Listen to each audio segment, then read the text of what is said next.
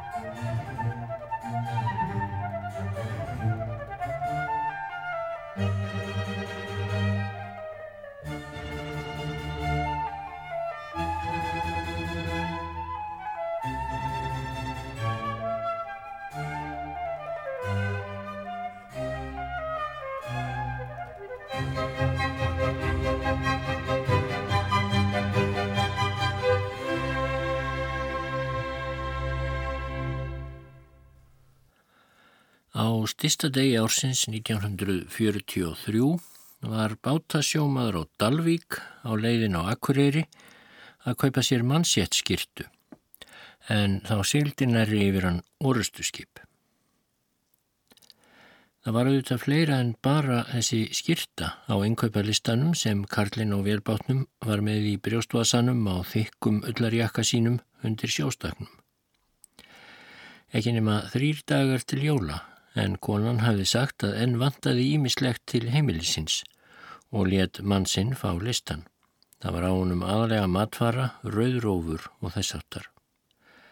Þegar fólk á Dalvík frétti svo síðdegis í gær að hann ætlaði á bátnum inn á Akureyri daginn eftir, höfðu tvær konur komið stikandi til hans með útskrifaða bleðla og beði hann að kaupa líka þetta lítilræði fyrir þær.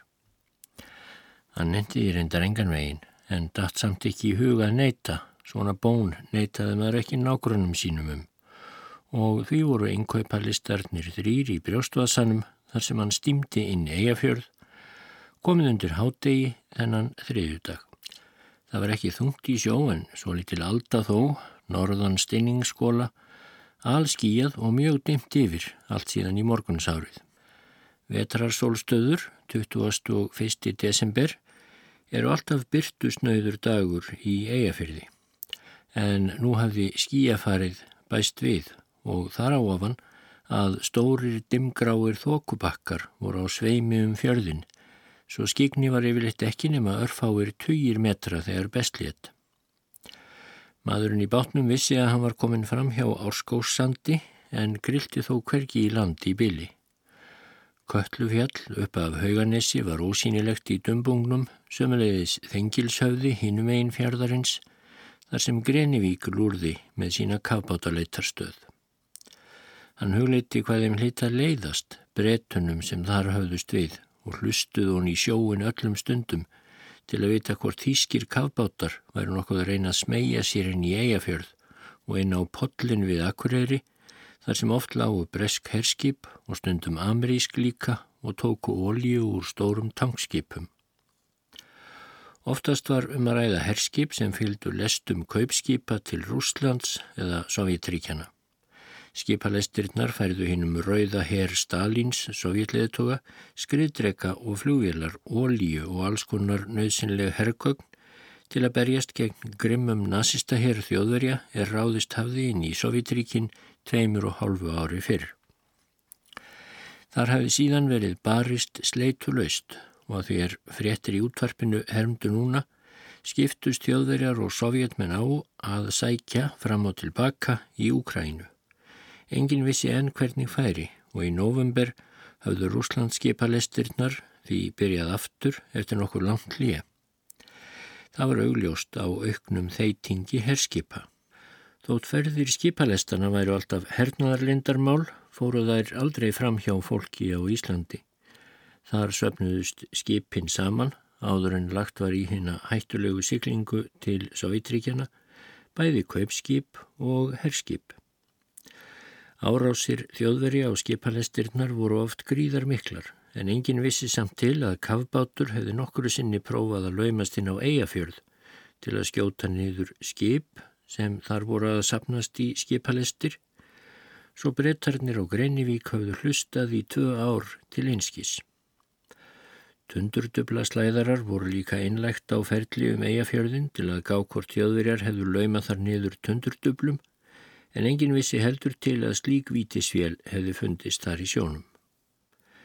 Það var meiri hætta á að bresktundurdubl losnuðu úr festum sínum og hafsbótni og gerðu óskunda af sér. Allavega heldu tundurdubla slæðararnir áfram að þræða fjörðin, svona óskup samvisku samlega og meira sér í morgun þegar Dalvíkingurinn var að búa bátsinn undir ferðina inn á Akureyri og áður en þokkan lagðist alveg yfir, þá hafði hann grillt í snuðrandi skip úti á fyrðinum Eflaust var það dublaslæðari eða vopnaður tógari að fullvissa sig um það einaferðina enn að fjörðurinn væri hreitn. Merkilega þessi hernaðar um svifi í fyrðinum. Stundum fengu gamalreyndir íslenskir sjómenn á tilfinninguna að þeir væri ekkert annað en aðskotadýra á sínum eigin heimaslóðum og þvældust bara fyrir herskipunum og byrðaskipum þeirra og ólíuskipum sem voru stöðugt á þörnum fram og aftur um fjörðin. Sjálfsagt var eitthvert herskip eða olíuskip á leiðinni inn eftir núna úr því dublaslæðarinn hafi verið á ferðinni og svo hafi maðurinn og vélbátnum heyrt snögt baul úr þokulúðri úr fjörðarminninu fyrir allöngu en það skip hlaut þó að vera enn langt í burtu.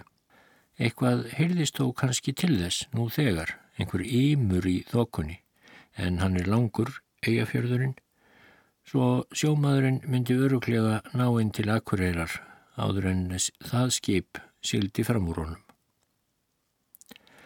Karl fór aftur að hugsa um innkaupin sem hann þurfti að gera þegar til akkureyrar kemi um nónbili eða svo, sem betur fyrr, fengist flest allt það sem á pappirsmiðan á þrjá hafi verið skrifað í kaufélagsbúðinni stóru á hodninu á Hafnarstræti.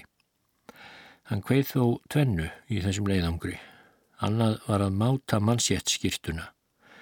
Það var erfið tilhugsun að eiga að standa á nærbólnum á vestlunargólfi og máta þennan skýrtufjanda en konan tók ekki hannað í mál. Hún hafi séð auglisingu um þessar mannsjættskýrtur í degi og rifjaði þá upp fyrir manni sínum að hann ætti gamla ermannappa sem hann hafði erft eftir móðurbróður sinn á Siglufyrði nokkrum árum fyrr en aldrei notað. Hún las allt og mikið af auglýsingum þessi kona, hugleitan, þar sem hann syldi gegnum óstilta þókuna. Hann hafði reyndað bendin á að gamla spariskirtan hans væri fullgóða en þá og geti vel enst einjólin enn, en hún hlóð þá bara og gaf húnum selbita í vömbina til að gefa til kynna að eitthvað væri hann farin að gildna. Og ítrekkaði að nú væri komin tími til að taka ermannappana loksins í brúk. Og ef hann færi einn til akureyrar hvort eða væri, gæti hann líka drifið sig til rakkara svo hún losnaði við að klippa hann jólaklippinguna aldrei þessu vand. Hann dæsti með sjálfum sér. Það hefði einhver tíman þótt óráðs í að spandýra í nýja spariskirtu meðan svo gamla var ekki orðin ónýtt. Hann gæti áraðanlega tróðið sér í hann og haldið inn í vömbinni eina kvöldstund eða svo. En svona voru þessir nýju tímar eintóm eðslusemi síðan peningar fóru að flæða um samfélagið eftir að breski herin kom fyrir bráðum fjórum árum og sá amríski árið setna. Hermeninnir höfðu komið sér fyrir víða um eigafjörðin, ekki bara á Grenivík og það var meira að segja svolítið setulið á Dalvík um tíma. Þeim ræfilslegu stráklingum og offisierum þeirra fylgdu förðu miklir peningar og eitthvað svolítið af þeim rataði á endanum í vasa venjulegs bátasjómans og konunar hans. Og því var hann hér komin á dimmasta degi ársins í votri þóku á leiði í kaufélagið á Akureyri að kaupa sér nýja spariskirtu þótt svo gamla væri en þá full góð. En öðru hveiðan þó enn meira en að standa á nærbóla og búðargólfi í Hafnastræti 91 og tróða sér í nýja skirtu. Kanski var aðalatriði í sendiför hansinn til Akureyrar allt annað en mannsjættskirtan. Hann hafði nefnilega grunum það. Hann átti að fara líka í bránsverslun og sækja þar pakka handa konunni. Hún hafði farið sjálf á símstöðina fyrir tveimur dögum og pantað eitthvað hjá Páli í bránsverslun og saðist myndu sjá um að borga það sjálf. Hann mátti alls ekki opna pakkan og fengi ekkert að vita um hvað í honum væri fyrir henni fyrsta lagi á jólunum. Madurinn spurði einskis en það held hann helst að hún hefði verið að festa sér jólakjöf handa honum en svo var hann að fletta degi og rakst þá á þessa auðlýsingu frá Páli Sigurgersinni. Til jólakjafa hvennar fatnaður í jólaumbúðum svo sem náttkjólar, undirfattasett og nærfatnaður en fremur hvenn skirtur, hvenn buksur, hvenn undirkjólar, sérstakt. Einnig svartir undirkjólar, sokkar, slæður, hanskar og fleira, bránsverslun, Pál Sigur Gersson. Þar lág að. Það var þá kannski eitthvað af þessu fínir í, þessu sérstaka sem hann átt að ná í eina á akkureyri. Nú hann fengi þá væntanlega að sjá það um síðir. Verst var að bránsverslun var líka í hefnastræti líkt og aðalstöðvar kaufélagsins og ekki nema steinsnar frá stóru keabúðinni eða í húsinu nr. 106 rétt við Ráðhústorkið. Og fyrir mann sem átti margt undir kea var ekkert endilega þægilegt að sjást skjótast inn í bránsverslun að gera jólainnkaup þegar tróðfull búð kaufélagsins blasti við út á horni. Hann er lega að draga höfuðfattið hon í augu og treysta á að enginn af gömlu búðarsveinunum úr keabúðinni væri út í hafnastræti að rápa og kemi auga á hann að stinga sér inn í búð keppinuttarins. Ekki var gott fyrir eifirðing að eiga yfir höfði sér gremju kaufélagsins.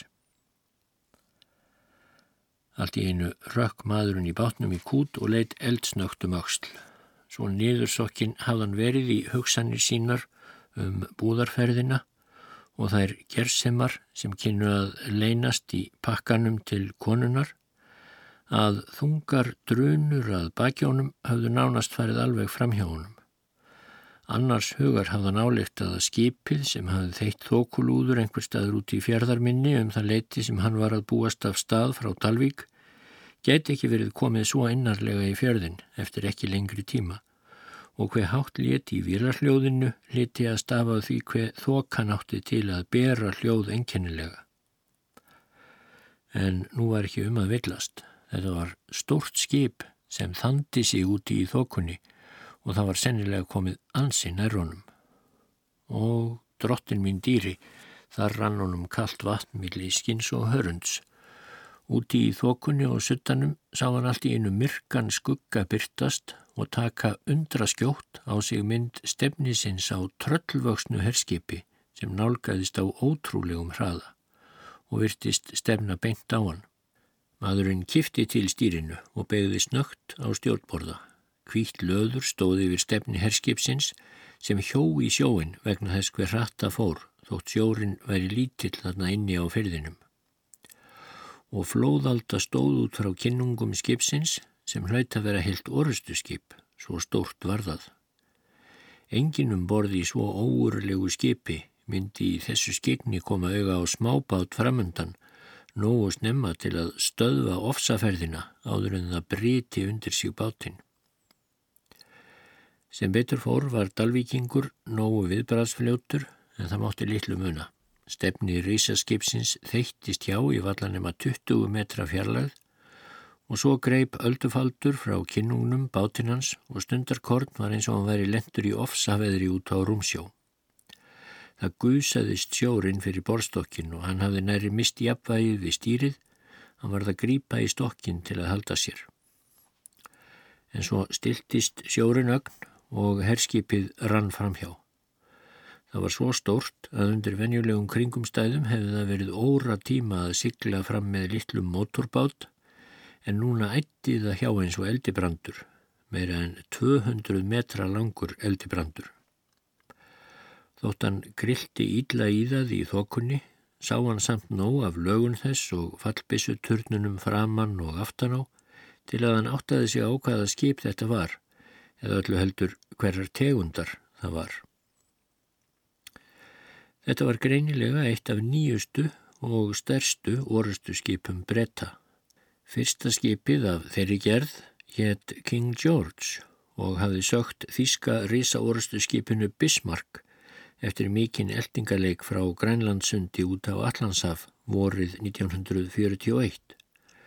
Þrjú eða fjögur bresk orðstu skip af þessari gerð hafðu verið tíðir gestir í eigafyrði síðustu missurinn en það tóku þau þátti að verja skipalestirnar til Rúslands gegn árásum þjóðurja. Einu sinni hafði Dalvíkingur verið á haustkvöldi á vélbátnum sínum út í minni eigafjörðar þegar eitt af þessum skipum leið tignarlega hjá, lötur hægt eins og vofa í hálf rökkri, stóru fallbissurnar bindust nánast til hímins eins og jafnvel Guð almáttugur mætti vara sig, en úti á borðstoknum stóð berhauðaður sjóliði og dorgaði. Sjóliðin veifaði vingjarlega til hans og Dalvíkingurinn hafði líka yðurlega séð skip af þessari sömu gerð sigla virðulega fram hjá Dalvík alltaf ógnandi en þó einhvern nátt hrífandi um leið í stærðsinni og mikilfengleik. Inni á podlinum lágu þessi skipstundum í nokkra daga meðan þau og smerri fylgdarskip þeirra tóku ólju. En aldrei hafðan séð eitt af þessum risaskipum á slíkri fantaferð, allara síst inni á þröngum fyrðinum, allara síst í þoku og svo lélegu skigni og lítilli byrtu sem nú. Nú var skipið komið fram hjá og öldurnar í kjölfærinu gripu bát sjómannsins og rugguð honum hastarlega. Hann helt ennum sinn fast í borstokkin. Breski fánin í skut orustu skipsins blakti sem ákavast vegna hraðans þegar skipið plæði inn fjörðin og ekki var allt búið enn því um leið og orustu skipið var byrjað að renna saman við þokubakkan á leið innar í fjörðin þá byrtist annað skip rétt á hælaði en á sömu ofsaferðinni.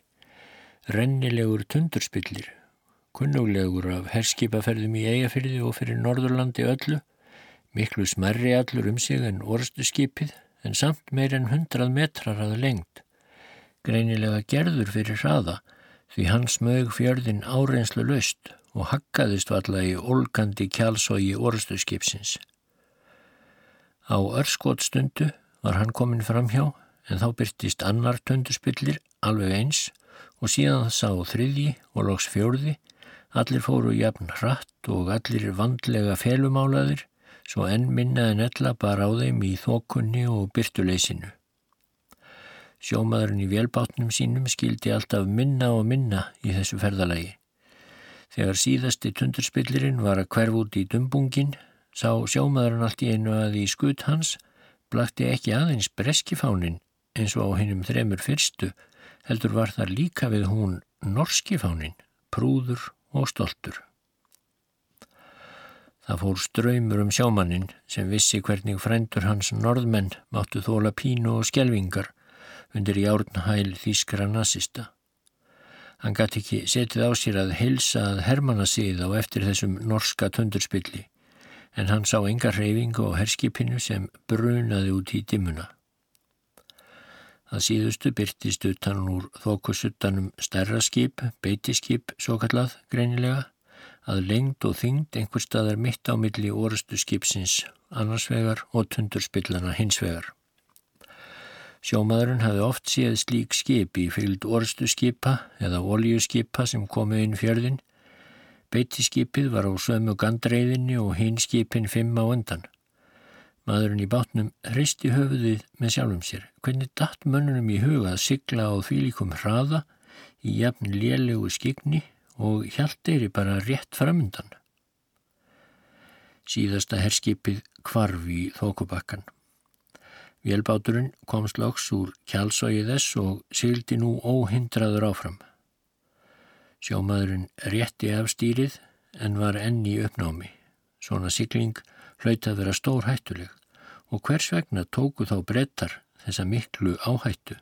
Var eitthvað mikill í aðsíi.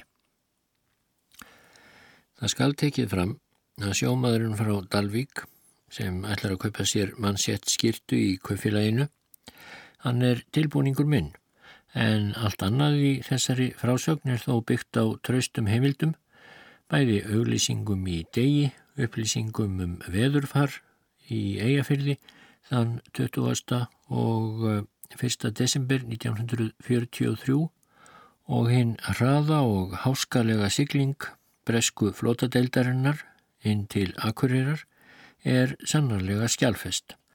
Það leið ekki nema hálftími frá því orustu skipið Duke of York sem þarna var á ferða á samt fylgarskipum sínum var statt út af eh, Dalvík og þanga til það brunaði inn á pollin við Akureyri og slóð þá loks af mikilli ferðsinni, kastaði út akkerum með miklum skruðningum og staðnæmdist um síðir. Skipið nötraði stöldlega þegar það varður loks alveg kyrt eftir þessa fantasiklingu inn allan eigafjörðin. Sumir skipverjana vörpuðu öndinni léttar og einnig margir um borði í tundurspillunum fjórum. Svo hröð sikling inn þennan þrönga fjörð og það í þóku og afleitu skigni á dimmasta degi ársins hafði ekki verið öllum að skapi. En breski flótafóringin Bruce Fraser sem stýriði siklingunni Hann hafði talið brínt að hraða förinni sem allra mest. Þessi flotadeild var hinn svo kallaði heimafloti bretta en eh, svo kallaðist svo orðstu skipadeild bretta er átti í senn að sjá um varnir heimalandsins en líka að ráðast gegn öflugum þýskum herskipum hvar sem þau letu til sín taka á norður Allandshafinu. Það var ekki af glannaskap eða út í loftið sem Freyser flótafóringi hafði knúið skip sitt svo inn eigafjörðin. Á Akureyri áttu skipin að býða átekta og fylla tanka sína svo þau væru búin undir þann stórviðburð sem kannski og vonandi var í vendum. Þar að segja slag við þýska orustu skipið Sjarnhorst sem beigð í 1700 km fjarlægð í dimmum fjörðum norður Norregs eftir loka ákvörðun Adolfs Hitlers um hvort uh, skipið skildi leggja til orustu við næstu Rúslands skipalest bandamanna. Upplýsingafulltrúi Freysers flotafóringja hafði nýverið afhendunum háleinileg skilaboð frá njósnadeild Bretta í Bletchley Park um að skipstjóra Sjarnhorst væri uppálagt að vera tilbúin til siglingar hvenar sem væri með aðeins þryggja stunda fyrirfara, strax og leifi fóringjans lægi fyrir. Dægin áður hafði lest 19 stóra flutningaskipa lagt af stað frá fyrðinum Loch Jú í Skotlandi og byltist nú í kvasviðri og vondum sjó norðaustur af færium. Oftast tóku brettar fagnandi dimmiðrum eins og þeim sem nú ríktu á allu hafsvæðinu millir Íslands og Noregs. Það dróður líkum á að þýskar eftirlitsflugvelar fyndu skipalestirnar sem sendar voru norður til Kólaskaga nýrst í Rúslandi með vopn og vistir handar rauðahernum. Í þetta sinn var Freyser hins vegar ekki alls kostar ánæður með dimviðrið og öldugangin. Hann vildi nefnilega að þjóðverjar fyndu skipalestina. Hann vildi að þýska skipið Sjarnhorst legði til allögu við kaupskipið með sínar þungu og bráðdrepandi fallbissur. Því þá ætlaði hann að koma til skjálana á hárréttu augnabliki á sínu orustu skipi sem hafði enn stærri og fleiri bissur en Sjarnhorst. Þess vegna var Brús Freyser komin til Akureyrar í þetta sinn. Þar ætlaði hann að reka smiðshöggið á áætlun sem hann hafði hugsað um mjög vel og á potlinum ætlaði hann að býða þess hvort gæfist færi á orustu. Orustu sem gæti orðið síðasti slagur hinn að ramlegu orustu skipa sem í halva öld hafðu ráðið heimsöfunum og orustu sem geti gerð breytt hlutverki og mikilvægi Íslands í framgangi sjóhernaðar á norður Allandshafi. Því Sjarnhorst var í rauninni síðasta stóra ógnin á hafinu við siglingar bandamanna norður fyrir Noreg til Rúslands. Frá brúarvæng Duke of York úti á pollinum horfi freysir yfir bæjarljósin á Akureyri. Jólaljós voru hvarvetna komin upp. Miðað við myrkvunina vegna stríðsins heima á Breitlandi var alltaf hressilegt að sjá íslenska bæi að kvöldlægi þar sem öll ljós loguðu, þótt ekki verið kannski mörg. Freyser var heldur lágvaksinn maður, ögnfarn að brekka um mittið, klættur óskup venjulegri peysu og ekki skreittur neinum tignarmerkjum. Hann þurftið ekki, því eins og endranær var hann fullur sjálfstrausts, kirlátt vald stafaði af honum. Hann bjóðað 400 ára gamalli hefð breska flótans og treysti á higgjuvit sitt og sínar stóru fallbissur. Þó við sannaði ef allt færi á verstaveg yrðu jólaljósin á Akureyri eflaust þau síðustu sem hann fengið að njóta á æfina. Á hæla honum út á brúarvangin kom annar maður, mun yngri og klættur þeim enginnisbúningi sem vera bar.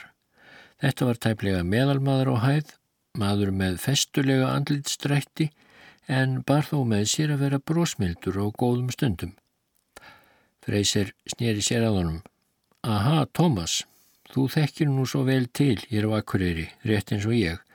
Þú vilt kannski fá að skella þér í búðir áður en við leggjum út í orðstuna. Þetta var dæmi gert fyrir Brús Freyser.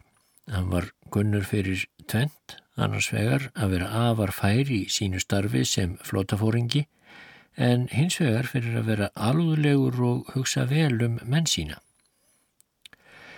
Freyser fættist 8. februar 1888 í London. Fadur hans var hersauðingi í Breska hernum á Índlandi en stóður endar ekki í stríðsátökum heldur var fyrst og fremst verkfræðingur og arkitekt.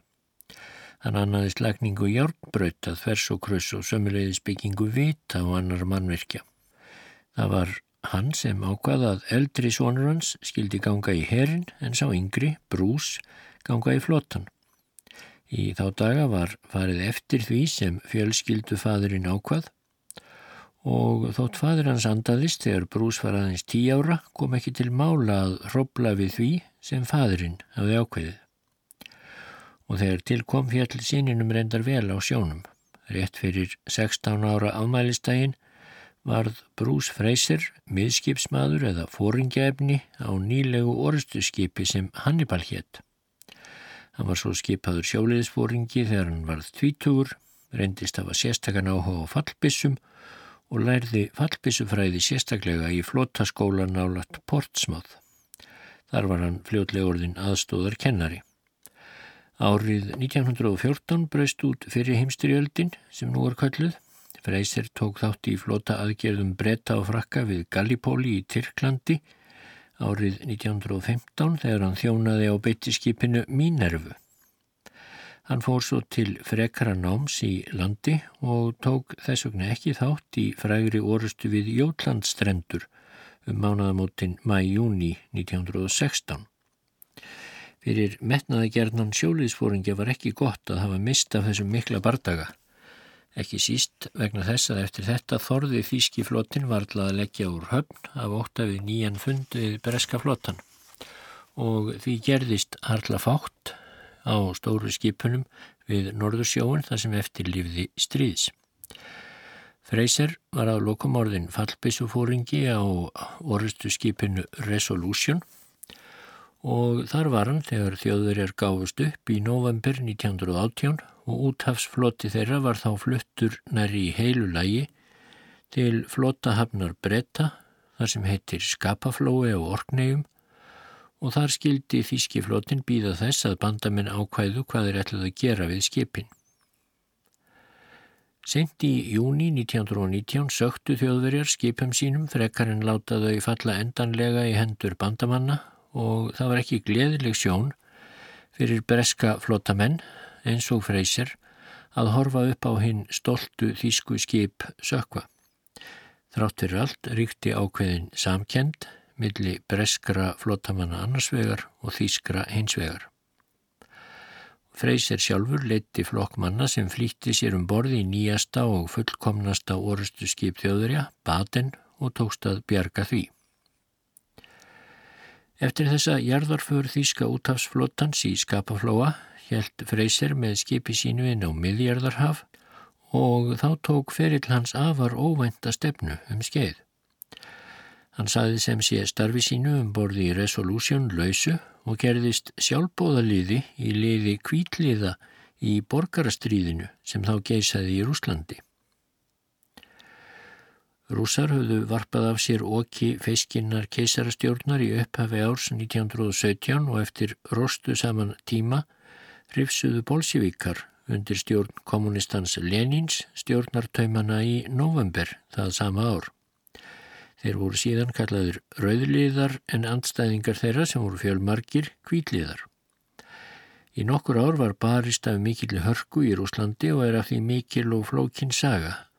Vesturveldin vildu fyrir allamöðni ekki að kommunistar næðu að trista sig í sessi í þessu víðlenda ríki og gerðu ymsar til raunir til að skipta sér af borgarstríðinu. Á Breitlandi var Winston Churchill til dæmis óþreytandi að upphugsa leiðir til að brettar getu aðstóðað kvíliða. Vorið 1920 var svo komið að rauðliðar voru í sókn í Kaukasusfjöllum og nákrenni.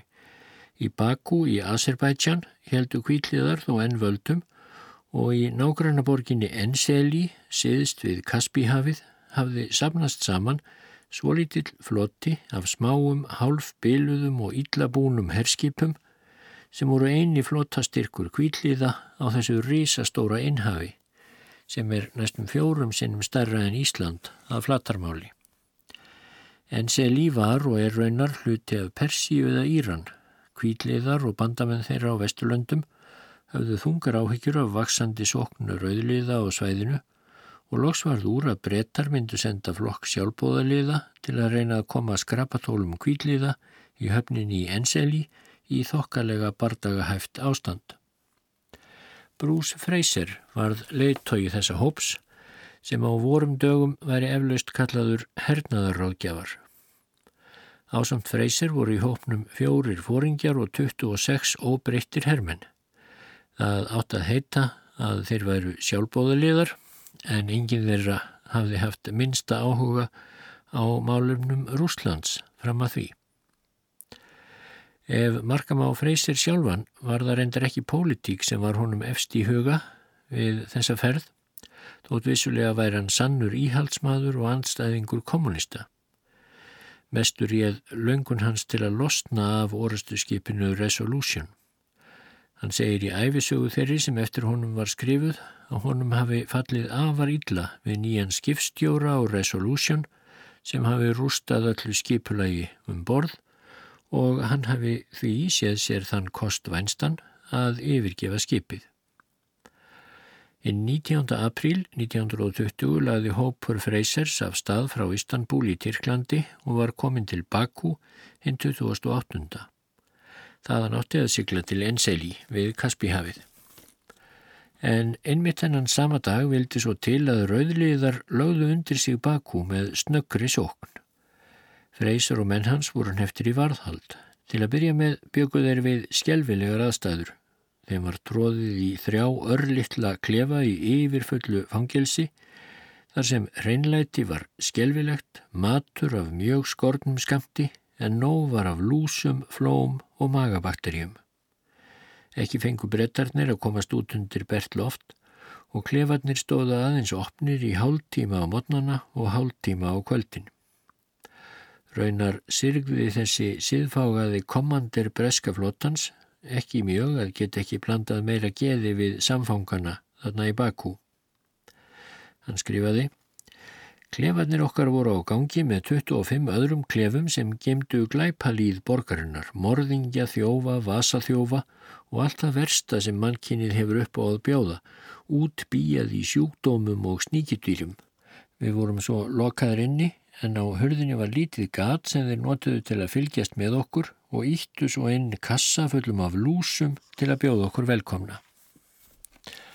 Freysir var ráðin í að sanna fyrir fangavörðum sínum þarna í Bakú hvað spunnið væri í breska sjóliða og hann helt upp í ströngum aga á sínum mönnum til að sína bolsjevíkum að breskir sjóliðar hlýttu sínum eigin fóringjum en ekki óþvegnum þjófum.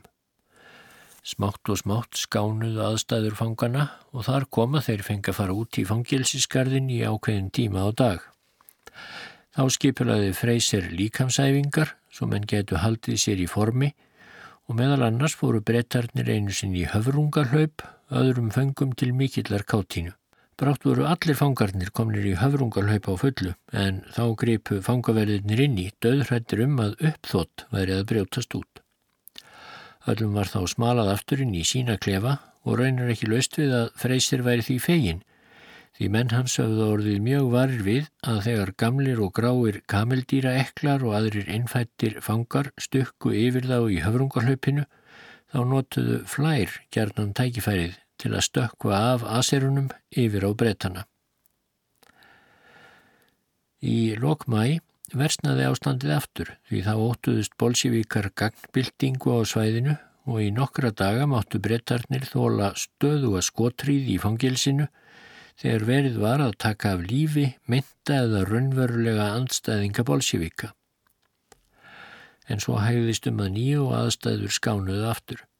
Hins vegar gekk korkin í að raka að fá fangana lausa. Þeir voru í raun ekki sakkaður um neitt sérstakt og voru til dæmis aldrei dregnir fyrir nokkuð dóm en áfram sílaðist þó fangavistinn mánuð eftir mánuð.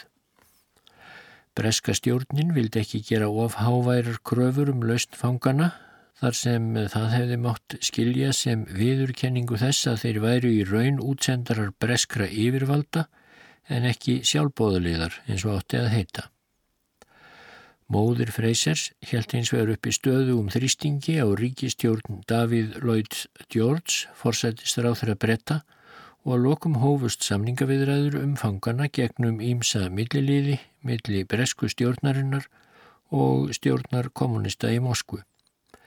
Lengi vel gekk korkin í Irak og Freyser og félagar voru farnir að horfast í augu við þá dapurlegu tilhugsun að eigða vetrinum í fangelsinu í Bakú. Hinn 4. november eftir rétturumlega sex mánuða fangavist var Freyser og mannum hans hins vegar fyrirvarlaust skuttlað upp í játbröðalest til nágranna ríkisins Georgíu þar sem brest orustu skip beigð þess að flytja þá heim. Þetta allt saman var að sjálfsögðu mikil raun fyrir fangana en Freyser ávann sér ævarandi vináttu og virðingu undir manna sinna fyrir það sambland af aga og mildi sem hann þótti sína alla þessa löngu mánuði. Hann síndi þarna, hafa hann ekki gert það fyrr, að hann var vel til fórustu fallin. Og þegar heim kom, helt Freyser áfram í flótanum eins og ekkert hefði í skorist og nú, í desember 1943, var hann komin til Akureyrar, þeirra erinda að leggja í loka orustuna við þýska orustuskipið Sjárnhorst. Og þá erum við aftur komin til Akureyrar rétt fyrir jólinn. Það var komið fram á Þorlasmessu. Það var farið að kvölda og miðbær Akureyrar var þegar fullur af fólki enda myllt veður og fallegt, fára gráðu frost en hægviðri. Og margir, ekki bara trillusjómun frá Dalvík, áttu ímislegt eftir í jólaundirbúningnum. Veslanirnar voru tróðfullar, sér í lagi veslanir Kea, en hinnar gáttu heldur ekki hvert að undan trafíkinni. Úti á potlinum láð orustu skipið Duke of York sem hafi komið brunandi daginn áður í fylgd beitiskips og fjögura tundurspilla eins og ég lísti áður. En eftir margar heimsóknir of York og sístur skipa þess undan farinni misseri fannst akkurýringum ekki lengur neitt sérlega aukvænlegt við nærveru skipsins þrátt fyrir þær stóru bissur sem beindust út frá skrokk þess. Þótt frostið væri ekki mikið þessa þorlasmessuna þá var lagnaðarís förðu langt út á podlinn. Kallt og ósalt vatnið úr eigafjörðar á flöyt ofan á sjónum tölvert út frá strandinni og myllt frostið náði að breyta því í nógu traustan ís til að skauta fólk geti leikið listir sínar. Inn í miðbænum voru allir búðarklökar upplýstir og víða voru ramaskreitingar utan á húsum og hinnar fegurstu jólaskreitingar blikuðu í búðarklökunum. Þetta hefur verið sjón að sjá fyrir hinn að bresku sjóliða með að við myrkvunna heima. Allir voru því í besta jólaskapi og vörur runnu út úr vestlunum. Þó voru þeir til sem vildu minna á hinn upphaflega anda, hinn að kristnu jóla, því á ráðhústorkinu stóðu farandpredikari á sikurkassa og helt þrjumu ræðu um Guð og Jésu yfir viðstöttum. Hann hjælt á lítilli bók í annari hendi og penna í hinni og sló svo pennanum með tilþrifum í bókina til að leggja áherslu á orðsín. Flestir snittu kurtislega hjá pretikarunum en þó höfðu nokkra hræður látið hann trubla sig frá jólainnkaupunum og stóðu við sikurkassan og hlítu á. Slæðingur af skipverjum af Djúk og Fjörg var þarna á ferðinni innan um Íslendingana og nokkra setulismenn sem heldu til í bænum. Sjólegarnir virtust hinnir resustu en kannski ögnu varir um sig eins og þá grunaði að eitthvað stæði til. Dæin áður hafði sjálfur aðmírállinn af orustu skipinu, Brús Freyser, komið í bæin og haft með sér kaftininn. Aðmírálinn hafðu akkureringar séð nokkurum sinnum áður og þekkt hann strax þó teki gengjan íkja hermanlega til fara Freyser var bara í frekar einföldum sjóliðajakka og með helst til fábreytt kasketi. Kafteinin hans var öllu virðulegri með gullslegna borða eins og kafteinum bar. Þeir tvímenningar fóru og versluðu eitthvað handa konum sínum og þegar þeir voru á leiðinni á léttabáti út á pollin aftur, þar sem orustu skipið beigð, þá fóru þeir að fylgjast með skautafólkinu á ísnum innar á pollinum og aðmýrallin Freyser virtist svo hrifin af þessu að þegar hann var komin aftur um borð þá sendi hann hljómsveit herskipsins út á borðstokkin og let hann að leika létt lög lengi vel svo skautafólkið og akkurýri hefði eitthvað til að dansa við. Þannig var stríðið stundum á akkurýri. En núna daginn eftir á Þorlásmessu hafði ekki sést til Freysers aðmýráls og það voru léttabátar á þölnum millir herskipana á podlinum en nokkri sjóliðar voru komnir í bæin til að kaupa eitthvað sem þá og konur þeirra eða foreldra geti vanhagað um. Meðal fólksins í mannþrönginni var Bjarni Haldursson. Bjarni var réttrumlega 50 árið 1943. Hann var skrifstofustjóri hjá Rafveitu Akureyrar. Bjarni var virtur borgari í bænum, íþróttafrömmuður og félagsmála forkólfur. Hann og Margrét Gunnarsdóttir, kona hans, byggu í fremur stóri íbúð í miðbæ Akureyrar og þar voru tvö samlíkjandi herbergi með sér ingangi í fórstofu. Þessi herbergi gáttu þau sér að meina lausu leikt til hermana eftir að stríðið skall á. Bæði herbergin voru lítil og ekki sérlega huggulegar vistarverur, innra herbergi var útbygging frá sjálfu íbúðarhúsinu og undir hluta þess var opið port. Við portið var stort vörugeimsluhús sem brettar höfðu nú tekið af leigu undir sitt hafurtask. Ekki heldust menn lengi við í þessum óskemtilegu herbergjum og voru tíð umskipti af leyendum hjá Bjarná og konu hans. Þau þurftu lítið sem ekkert að hafa saman við dátana að sældan að þeim leifaðum aðganga vaskrana í eldhúsinu. Flestir voru aðeins í herbergjum sínum yfir blá nóttina og Bjarni og Margrét kynntust þeim ekkert. Fyrir en Edvard Thomas byrtist vorið 1941 og legði annað herbergið. Thomas talaði orðið hrabli í íslensku eftir að hafa verið hér á landi í nokkur misseri, ekki síst á vestfjörðum. Því tókust kynni með honum og Bjarni og Margréti. Þegar Thomas kom að ná sér í vatn, buðuði honum yðurlega upp á kaffisopa og síðan var setið og spjallað. Thomas sagði hjónunum frá dvölsinni á Íslandi fram að þessu hvaðst hann hafa fengið það hlutverk að gera uppdrætti af fjörðum, víkum og vógum á vestfjörðum og þá færða læra svo litið í íslensku.